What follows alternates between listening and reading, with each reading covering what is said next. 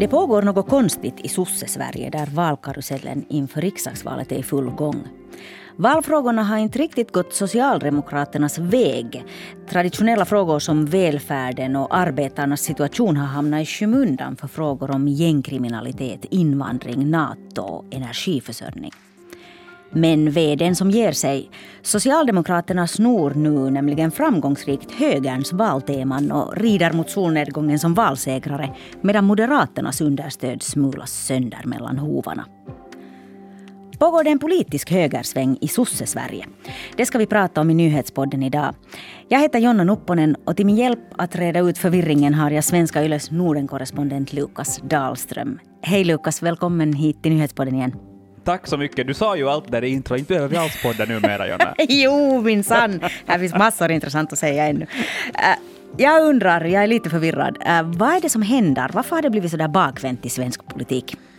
Det lätta svaret på det är omvärldsläge eh, och läget i Sverige och Sverigedemokraterna. Vi ska väl återkomma till allt det här, men eh, NATO och energiförsörjningen är naturliga frågor som debatteras i de flesta länder. Eh, I Sverige kanske blev NATO ju en stor debatt på grund av Socialdemokraternas initiala motstånd och historiska motstånd mot NATO, mm. men jag skulle inte säga att NATO är en valfråga det är done and dusted. Man diskuterade det under våren, nu har man gått vidare. Invandringen och kriminaliteten eh, har nu däremot seglat upp som en enorm valfråga här, vilket också var väntat. Mm. Med en dryg vecka kvar till valet så kör Socialdemokraterna sin valspurt på det som bjuds. Svenskarna vill alltså nu prata om gängkriminalitet och segregation och då talar maktpartiet Socialdemokraterna också om det här hur låter det då? Och går den här retoriken att känna igen som socialdemokratisk?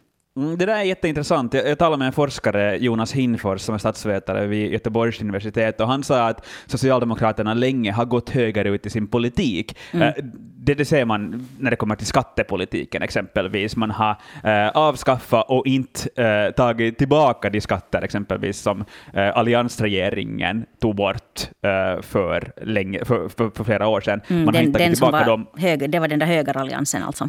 Precis, mm. under Reinfeldt. Eh, och sen har man också avskaffat andra skatter. Man har blivit lite mer ett högerparti, men man har alltid talat som Socialdemokraterna. Men nu har man också i, vissa frågor börjat prata mer som ett konservativt, nationalistiskt parti. Och det är på grund av att hela politiken i Sverige har lite tagit en sån nationalistisk vridning.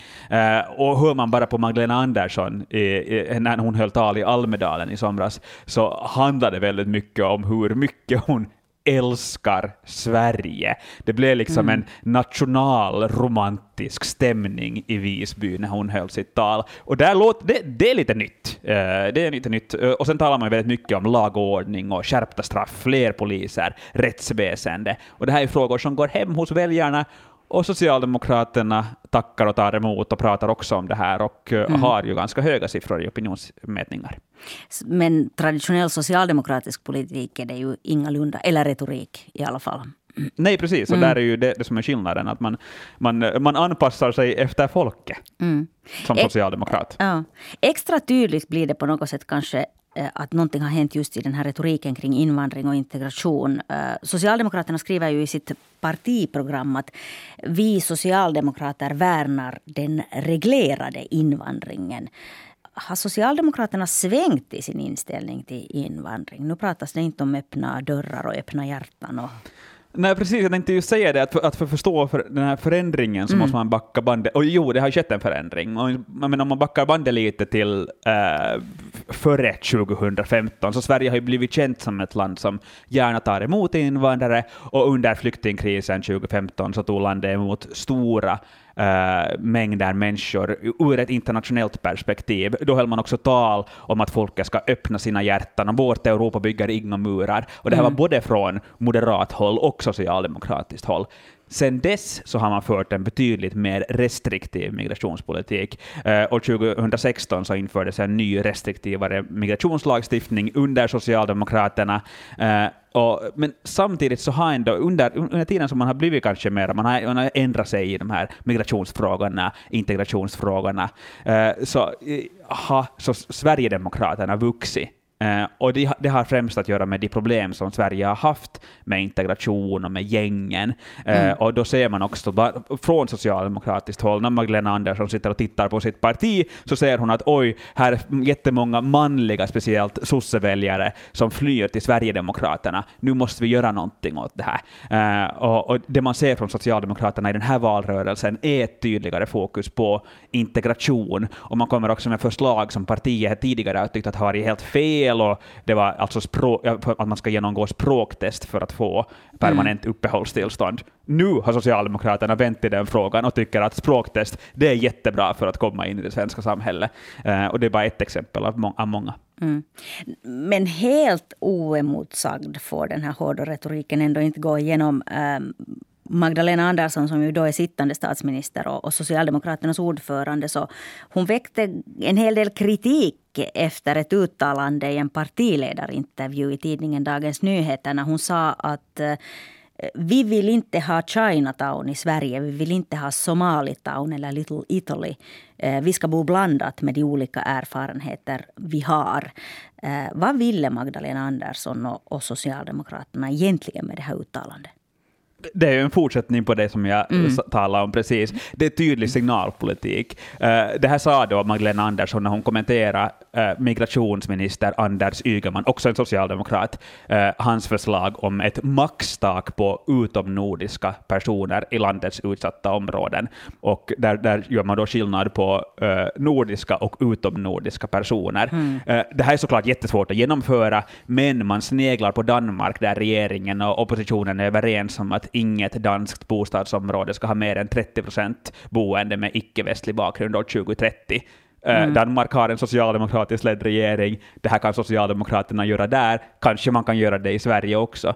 Uh, och Socialdemokraterna tycker, precis som flera andra, att segregationen är ett enormt problem för Sverige. Men det här uttalandet, precis som du sa, så har fått kritik uh, och förslaget har också fått kritik. Men uh, om Socialdemokraterna vill ta modell av Danmark så kan vi ju vänta oss flera uttalanden som det här. För i Danmark kan man ju kombinera en väldigt stram migrationspolitik mm. och generösa välfärds satsningar. Men precis som du sa också här tidigare så Sverige har ju en lång historia av invandring och, och också av invandrare som har integrerats i det svenska samhället. Vad säger de somaliskfödda eller de italienskfödda eller de kinesiskfödda svenska socialdemokraterna om den här nya linjen hos sitt parti då? Det kommer ju väldigt mycket kritik, också intern kritik mot det här uttalandet. Jag pratade i veckan med Saida Hussein Måge, en lokal socialdemokratisk politiker från Göteborg som också ställde upp i riksdagsvalet. Eh, hon är svensk somalier. Hon har nu avsagt sig sin kandidatur på grund av Anderssons uttalande och har lämnat partiet. Hon tycker att det är en mm. tydlig högersväng inom Socialdemokraterna som hon inte vill vara med på. Och hon menar att det här uttalandet där man pekar ut en viss folkgrupp, etnicitet, skapar rasism och enligt henne henne så skulle uh, Olof Palme aldrig ha sagt något liknande. Hennes socialdemokrater uttalar sig inte på det här viset. Uh, och enligt då, uh, Saida Hussein Moge så är förslaget i grunden bra, alltså man ska inte ha segregerade områden där bara en folkgrupp bor, men man kan uttrycka sig på ett annat sätt och istället för etnicitet prata om klasskillnader exempelvis, alltså mm. traditionell socialdemokratisk retorik. Men jag, jag pratade med Tommy Möller också, professor i statsvetenskap vid Stockholms universitet, universitet och han menar att, att kritiker nu säger då att Socialdemokraterna pratar som Sverigedemokraterna, och det gör man ju för att man mm. vill locka tillbaka de här väljarna. Hur har reaktionerna gått bland de andra partierna? Har, har Magdalena Andersson fått den politiska diskussion som hon kanske söker, eller söker hon den ens? Det har absolut blivit en diskussion eh, om mm. landets förorter, men den skulle kanske ändå ha, ha, ha pågått inför valet, eh, och hur man ska skapa mindre segregerade områden. Och det är ju i grunden en socialdemokratisk politik, det måste man komma ihåg. Man ska skapa områden som inte är segregerade, eh, och hon har fått räkna upp eh, socialdemokratiska förslag för hur man ska lösa den här situationen när hon har blivit tillfrågad om mm. den här kommentaren. Man vill satsa på de här utsatta områdena, man vill se bra skolor, fritidsverksamhet, föreningsliv och så vidare. Men visst har det ju kommit kritik, speciellt från de egna leden, speciellt från de egna stödpartierna med Vänsterpartiet, Miljöpartiet och Centerpartiet. Eh, därifrån har det kommit kritik mot det här förslaget och mot det här uttalandet, men i grunden så förstår man ändå kanske vad hon menar, och den diskussionen eh, pågår ju ständigt i Sverige. Mm. Eh, invandring, gängkriminalitet, eh, säkerhetspolitik, Det här är alla ämnen som i en valrörelse borde gynna partier med högerprofil. Men Sveriges ledande borgerliga parti Moderaterna verkar inte ha tagit initiativet i någon av de här frågorna.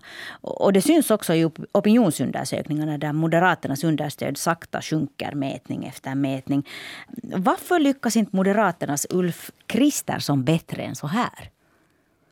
Ja, det är frågan. uh, frågan är vad som är fel hos moder Moderaterna. Det borde ju vara jättelätt att vara moderat idag.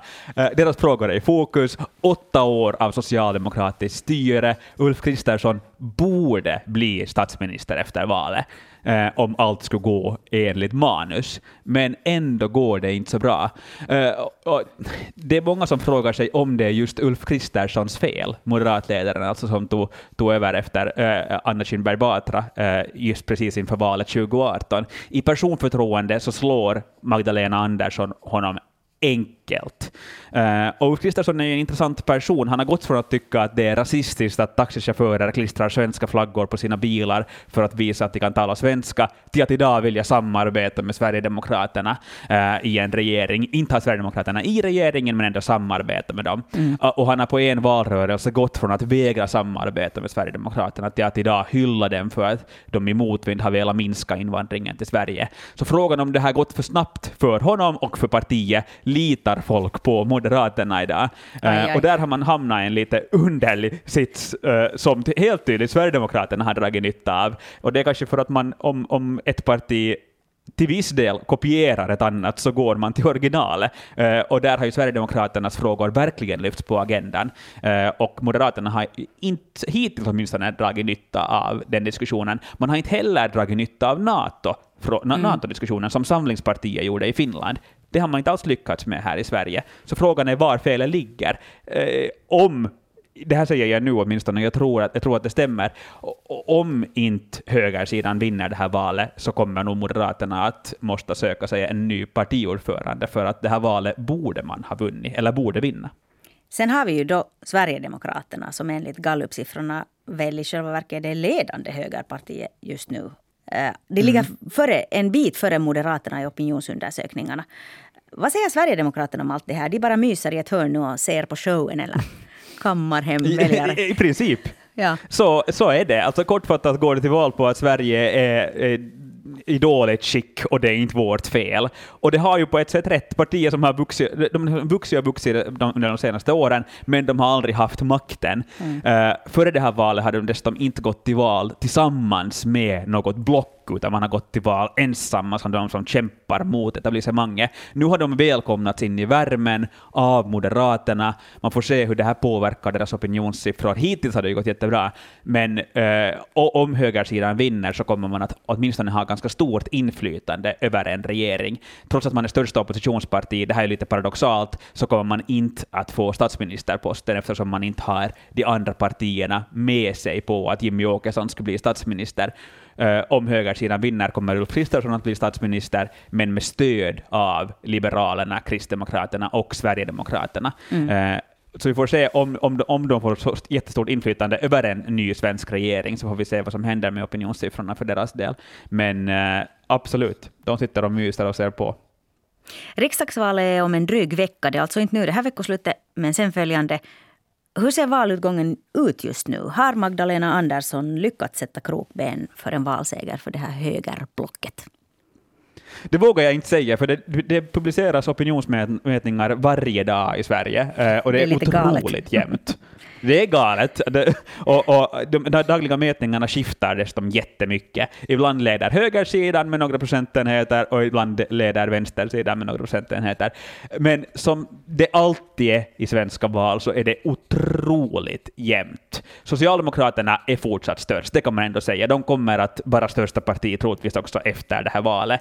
Men frågan är om vänsterblocket då lyckas eh, samla en majoritet. Sossarnas regeringsunderlag består av vänsterpartiet Vänsterpartiet, Miljöpartiet och Centern, som alltså har sagt, gått ut med att de stödjer Magdalena Andersson som statsminister. Moderaternas äh, sida är Liberalerna, Kristdemokraterna och Sverigedemokraterna, och just nu är det skulle jag säga, helt dött lopp mellan de här två. Så att jag, jag tycker åtminstone att det blir jättespännande med valdag och se vad valresultatet blir, för att eh, oavsett så blir det ju väldigt spännande. Antingen så får vi en fortsättning på Socialdemokraterna, eh, man måste gå till, ganska långt tillbaka i tiden för att säga att de har suttit längre än åtta år vid makten, eller så får vi en ny högerregering som har stöd av Sverigedemokraterna som aldrig tidigare har skett i svensk politik.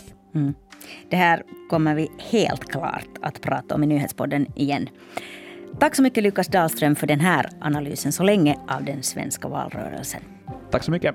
Jag heter Jonna Nupponen och du har lyssnat på Nyhetspodden från Svenska Yle. Producent är Ami Lassila och tekniker Satu Ulmanen. Fortsätt lyssna på oss.